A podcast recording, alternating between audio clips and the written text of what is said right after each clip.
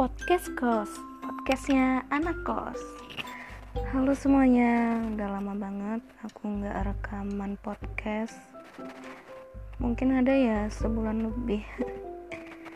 Soalnya bulan lalu ada sebuah kegiatan besar untukku sendiri sih sebetulnya.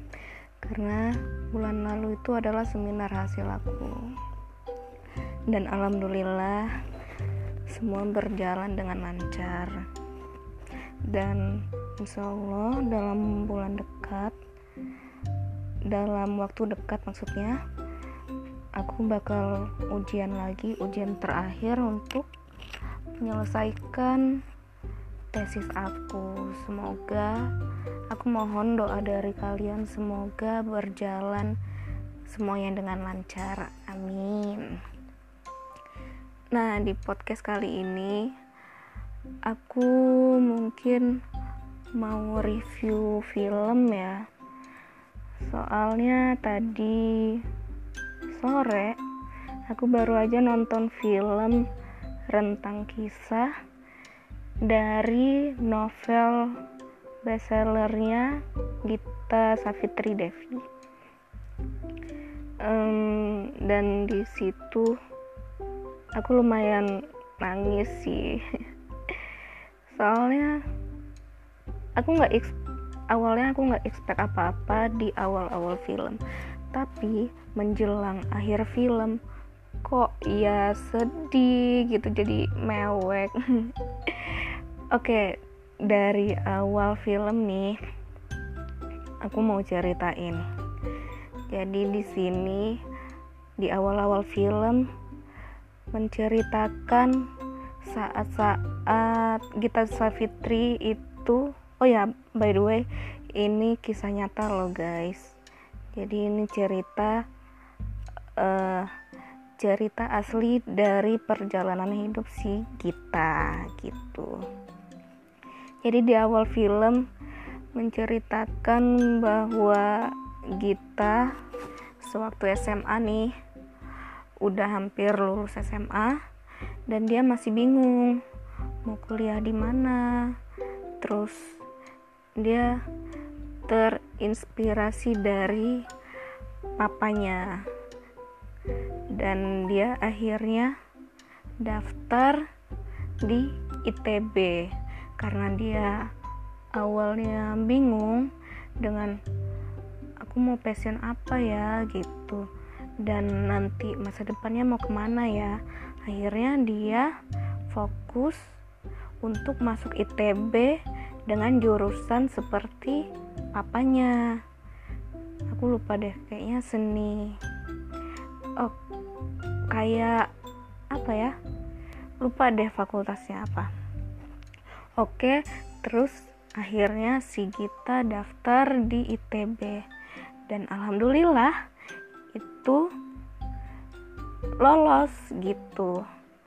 Dan dia super seneng dong keterima ITB tapi khususnya mamanya nih ternyata punya rencana lain yang sudah direncanakan oleh papa dan mamanya bahwa si kita lebih baik untuk kuliah di luar negeri.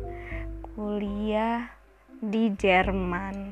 Kata mamanya nih uh, mama sama papa udah siap segala macam kebutuhan uh, khususnya material ya.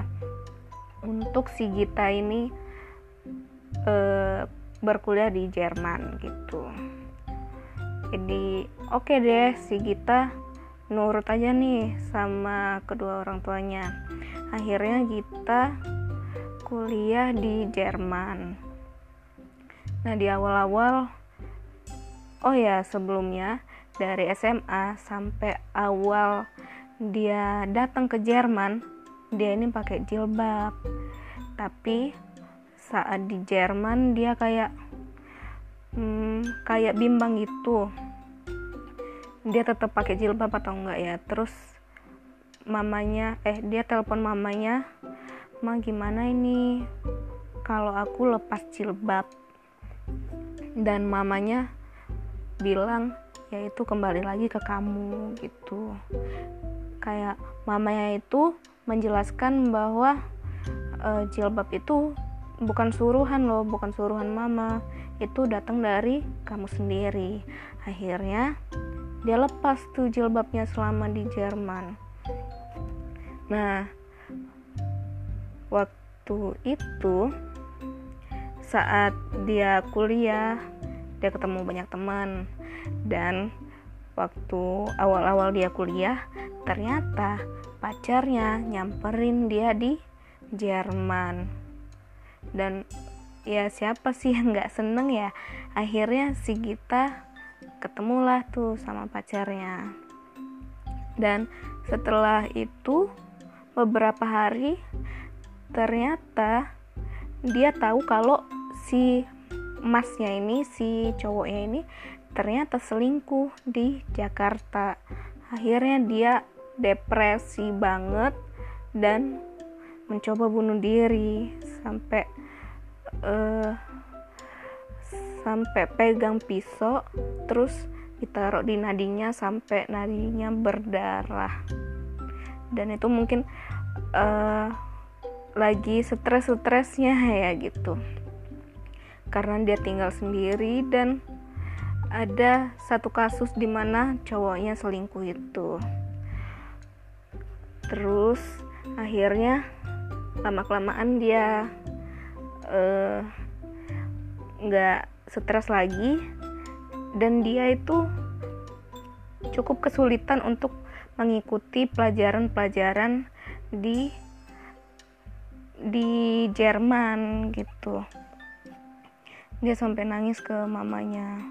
Ma kayaknya aku nggak sanggup deh kuliah di Jerman. Tapi mamanya sekali lagi menguatkan si Gita. Mamanya bilang kalau kamu tuh udah setengah jalan loh. Jangan sampai kamu uh, berhenti dan nggak melanjutkan kuliah lagi gitu akhirnya dia kuliah kuliah dan uh, temannya makin banyak di Jerman. Akhirnya dia uh, diajak teman-temannya untuk buat vlog. Vlog anak-anak Indo lah. Dan akhirnya uh, dia ketemu satu cowok yang namanya Paulus yang sekarang jadi suami ya terus ada satu momen di mana ternyata keuangan dari keluarganya si Gita ini agak melemah. Lalu mamanya nelpon nih saat saat si Gita lagi makan. Lagi makan apa nak? Gitu. Lagi makan kentang mah gitu kan. Terus mamanya bilang gini eh papa lagi sakit di oh di New York kalau nggak salah. Papanya kerja di situ. Papanya kerja di sana dan sekarang lagi sakit jadi nggak bisa kerja. Dan mamanya juga uh, kan buka catering. Cateringnya itu lagi sepi juga nih. Jadi mamanya minta tolong buat si Gita kalau bisa dihemat-hemat lah gitu. Oh oke okay, mah gitu. Akhirnya si Gita ini berinisiatif untuk cari kerjaan di Jerman. Dan ternyata nggak semulus itu. Jadi beberapa dia datang ke beberapa kedai makanan tapi uh, dari mereka gak menerima pe pegawai baru dan akhirnya dia sama teman-temannya cari tempat resto Indonesia dan ternyata mereka semua keterima untuk menjadi pegawai baru di resto tersebut. Akhirnya mereka kerja dan sampai itu oh ya uh, dia kan temenan nih sama si Paulus. Ada ada di satu titik kalau Paulus ini lagi bimbang dengan kepercayaannya. Gitu uh, dia berpikir kalau untuk apa harus ada agama? Kalau hukum saja bisa mengarahkan uh, istilahnya bisa mengarahkan orang menjadi lebih baik gitu. Jadi uh, kalau menurutku sih si Paulus tuh berpikiran bahwa agama itu nggak terlalu penting lah gitu. Akhirnya si Gita ini dengan ya dia dia nggak terlalu paham agama sih di film itu ya tapi si kita langsung bilang gini kamu pernah sholat? Gitu. Belum pernah kata Paulus gitu. Akhirnya si Gita ngajak Paulus untuk sholat. Dan mungkin saat-saat itu si Paulus sudah ngerasa oh gini ya agama Islam gitu. Akhirnya uh, seiring berjalannya waktu si kita sama Paulus saat itu malam hari ya mungkin jam 2 malam si Paulus telepon si kita. Dia kayak berkeringat gitu bilang sama kita e, tolong ceritain saat Nabi Muhammad di Gua Hiro gitu. Apa yang dia rasakan gitu. Dan si Gita bilang kalau di saat itu Nabi Muhammad mendapatkan wahyu pertama kali gitu. Dan akhirnya si Paulus memantapkan diri untuk masuk Islam. Dan gak lama dari itu si Gita memutuskan lagi untuk berjilbab untuk memakai jilbab di Jerman. Dan akhirnya seperti yang kita tahu di dalam film itu juga dijelaskan bahwa si kita ini buat-buat vlog gitu di kosnya. Dan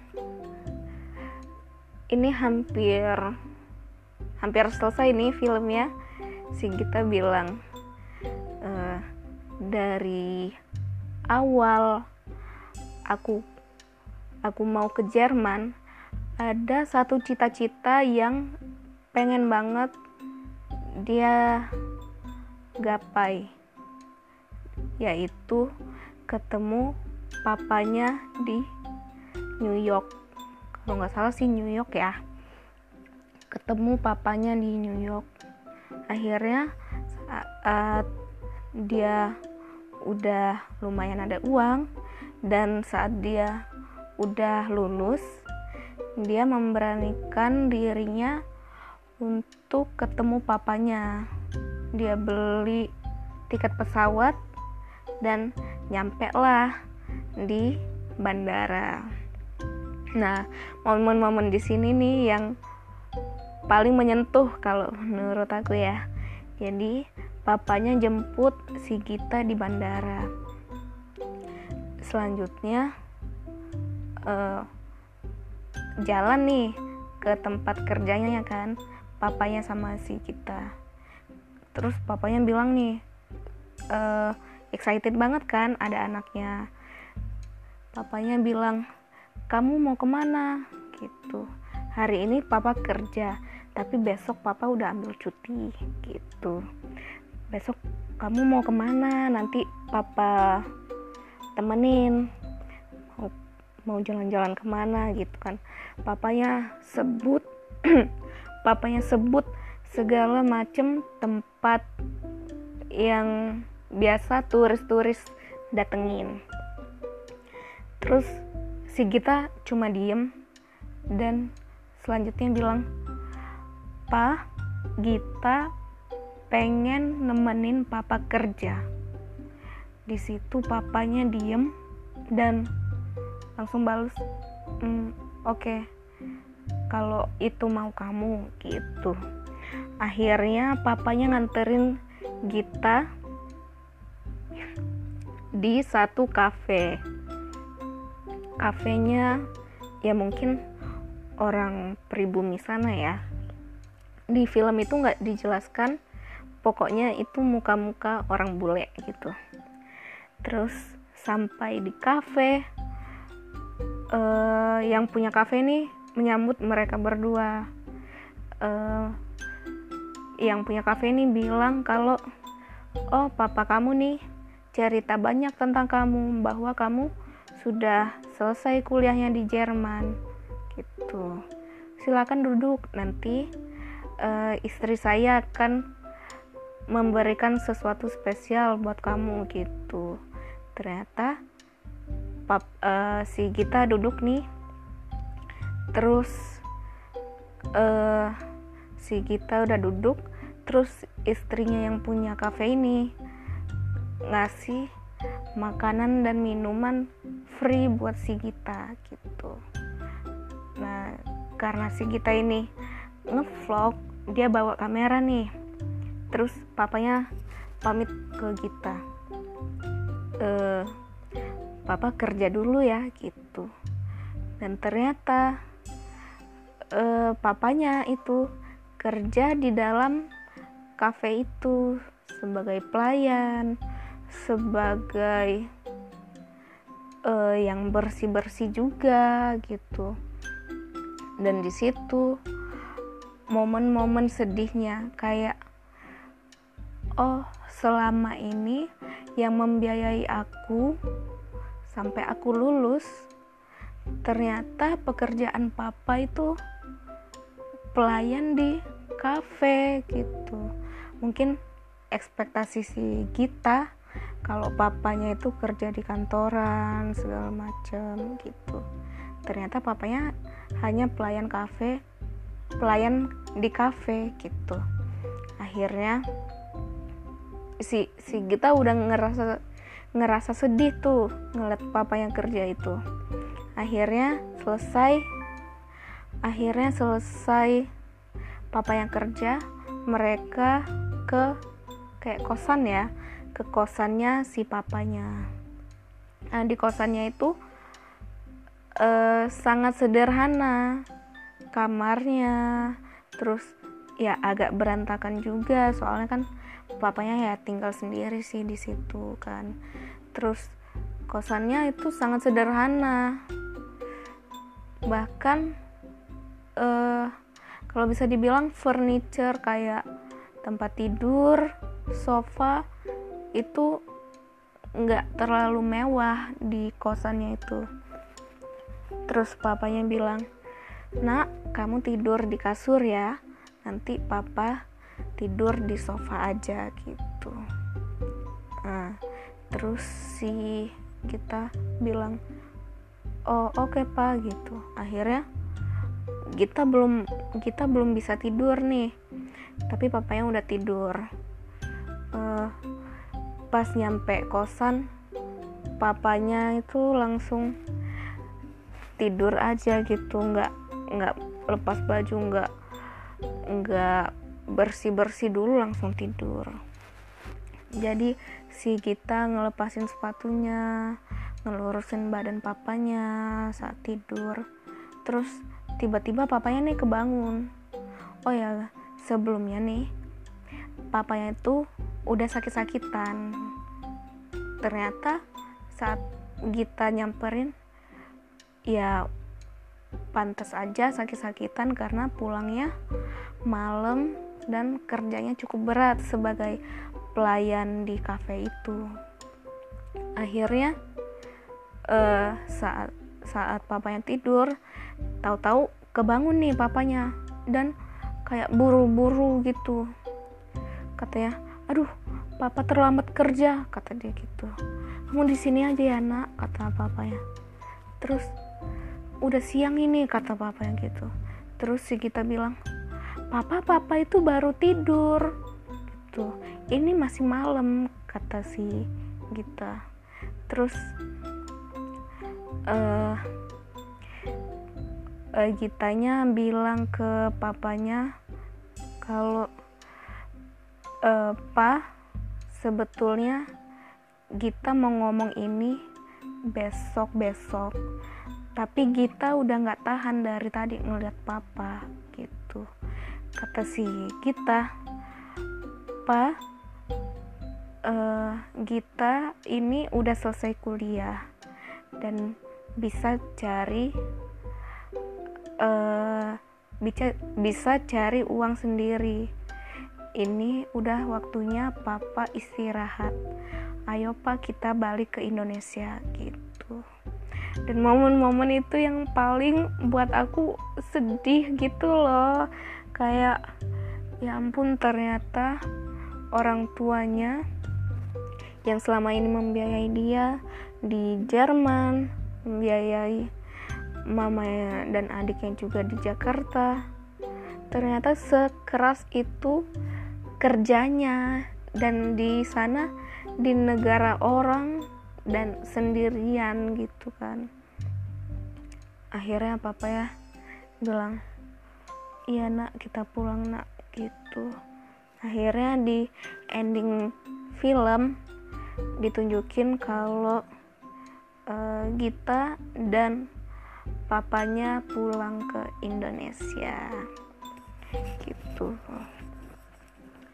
Uh, sebetulnya nah, udah selesai ya.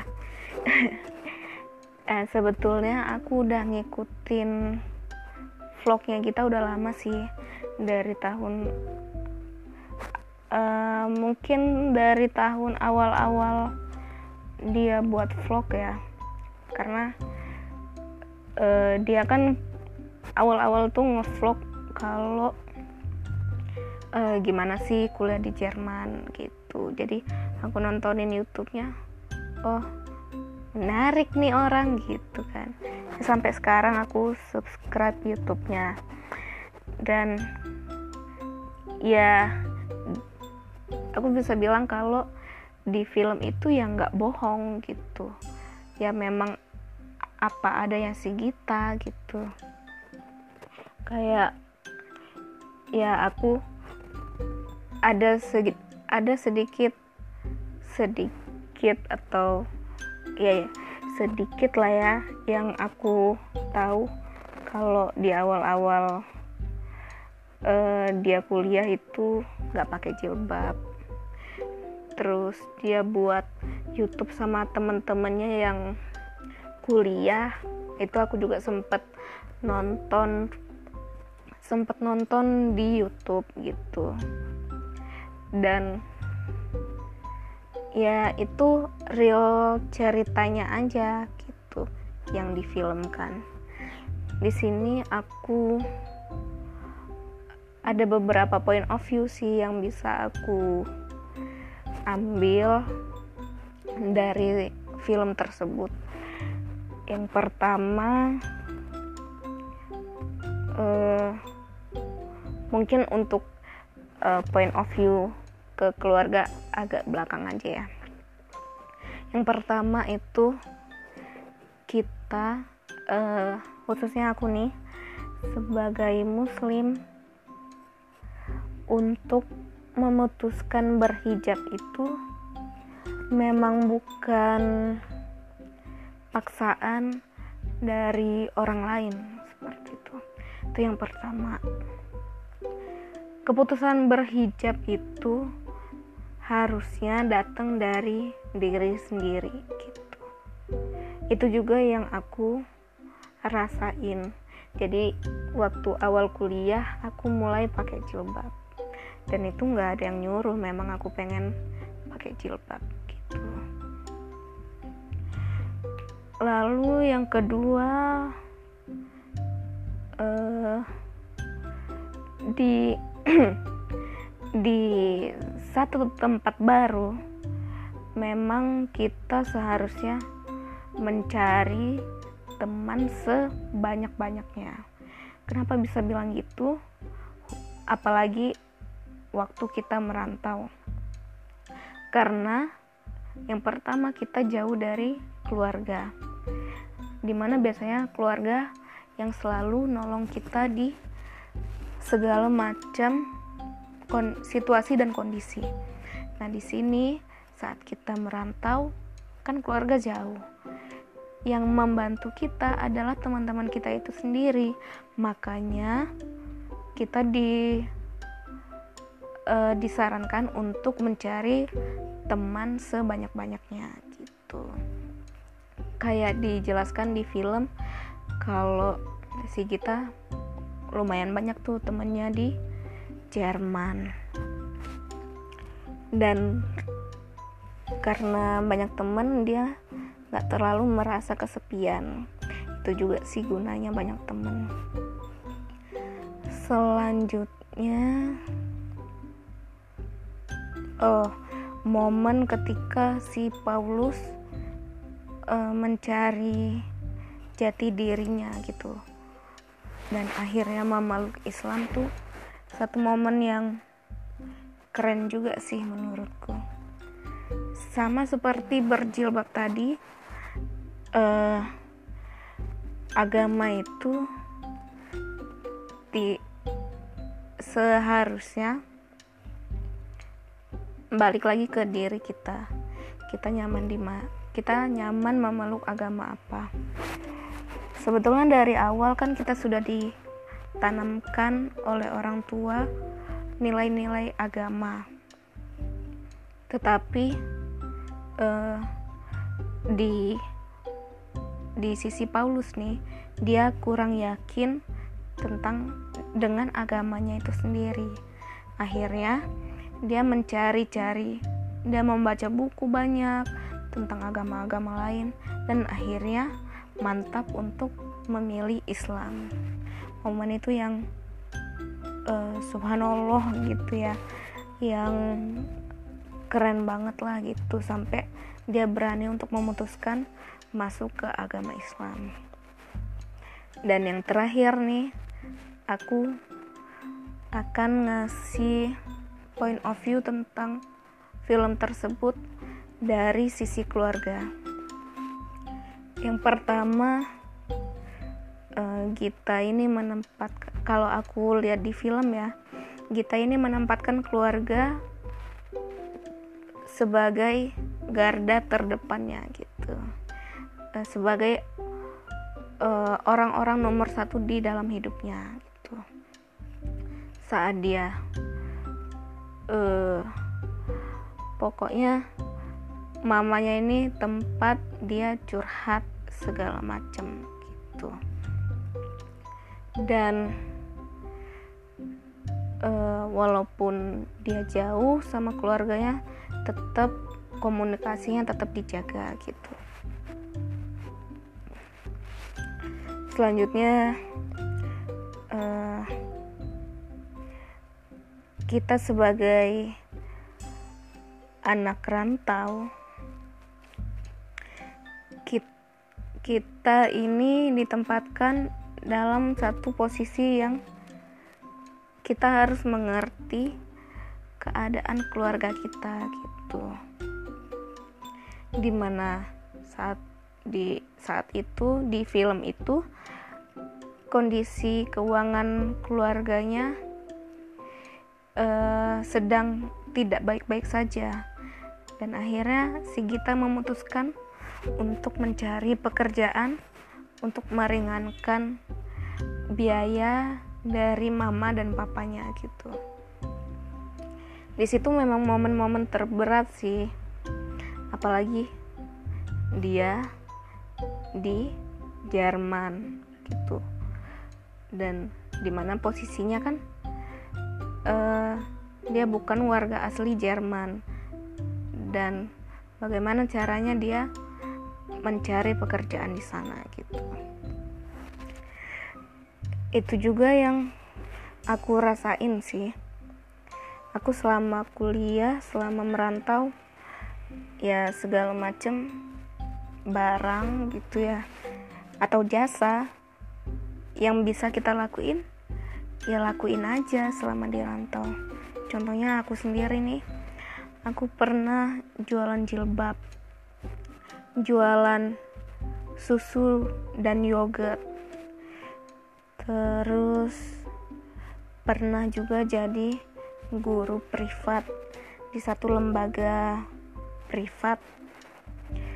Selanjutnya uh, jadi guru privat juga untuk tek untuk anak TK nah ini di saat di saat ini aku nggak ikut lembaga sih. Buka privat sendiri. Dan yang terakhir aku jualan masker. Nah, di sini uh, ya memang banyak up and downnya.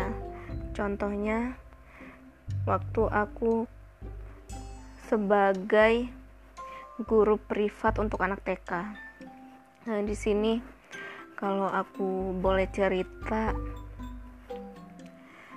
ya karena background aku bukan background uh, pendidikan kuliah ya.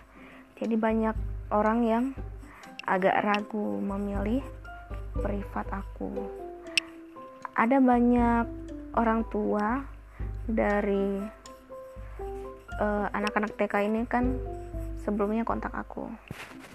Dan mereka itu selalu tanya mbak memang aslinya kuliah di fakultas apa gitu. Dan aku jawab jujur kalau aku bukan kuliah di jurusan pendidikan. Nah di momen itu orang tua murid tuh kayak berpikir ulang untuk memilih aku mengajarkan anak-anak mereka.